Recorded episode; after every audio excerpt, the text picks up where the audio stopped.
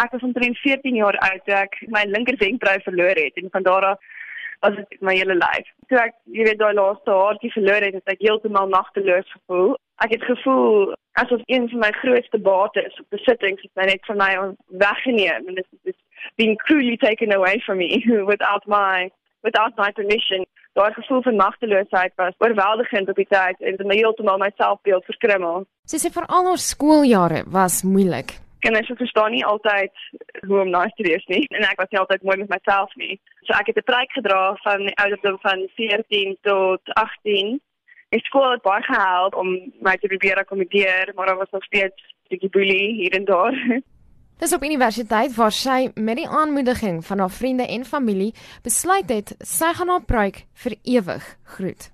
I could be free, I could be myself, I, I had a new platform to be myself, and it, it did the complete opposite thing. En ek so baie mag in myself gekry en ek kon kies wie ek wil wees en wat my identiteit is, sonder dat ek daai druk van die samelewing so erg aanneem op myself en dat ek net eintlik vir myself my eie identiteit kan kies en ek kan doen wat ek wil doen vir myself en wat my gelukkig maak. Maar hoe ervaar ander mense haar? Mense vra my gewoonlik of dit 'n fashion statement is of hulle neem gewoonlik aan dat ek kanker het. Gewoonlik sal ek voorstel dat jy nie vra nie, dit is 'n persoonlike vraag. En sê jy wil iets mooi daar sê, so sodat jy weet jou kop lyk mooi.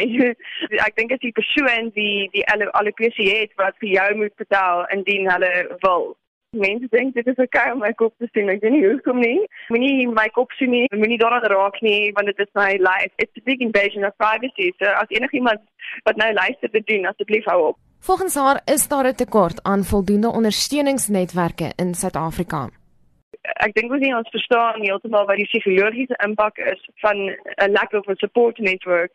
Veral ek dink as jy jong kind is, as jy dalk in in laerskool en hoërskool is, jy weet jy gaan deur al die broegelings van om groot te word en jy weet nog steeds soos wat jy en as jy ouer word, jy never stagnant. Maar ek dink dit sal baie help sodat mense meer bewus is van die saak, sodat mense weet hoe om dit beter te behandel. Den Besten het gelukkig 'n stewige ondersteuningsnetwerk.